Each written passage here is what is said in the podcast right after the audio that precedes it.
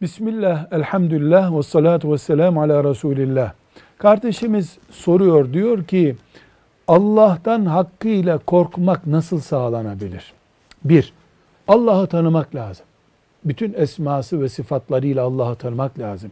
Allah böyledir diyen Kur'an ayetlerini bilmek lazım. İki, ahiret öncelikli bir hayat yaşıyor olmak lazım. Ölümü yakın görmek lazım. Üçüncüsü Müslümanın çevresi o Müslümanın kimliğini oluşturuyor. Müslümanın düşüncesini oluşturuyor. Dördüncüsü çok Kur'an okumak lazım. Gece namazı kılmak lazım. Beşinci olarak. Altıncı olarak da zikreden mümin olmak lazım. Velhamdülillahi Rabbil Alemin.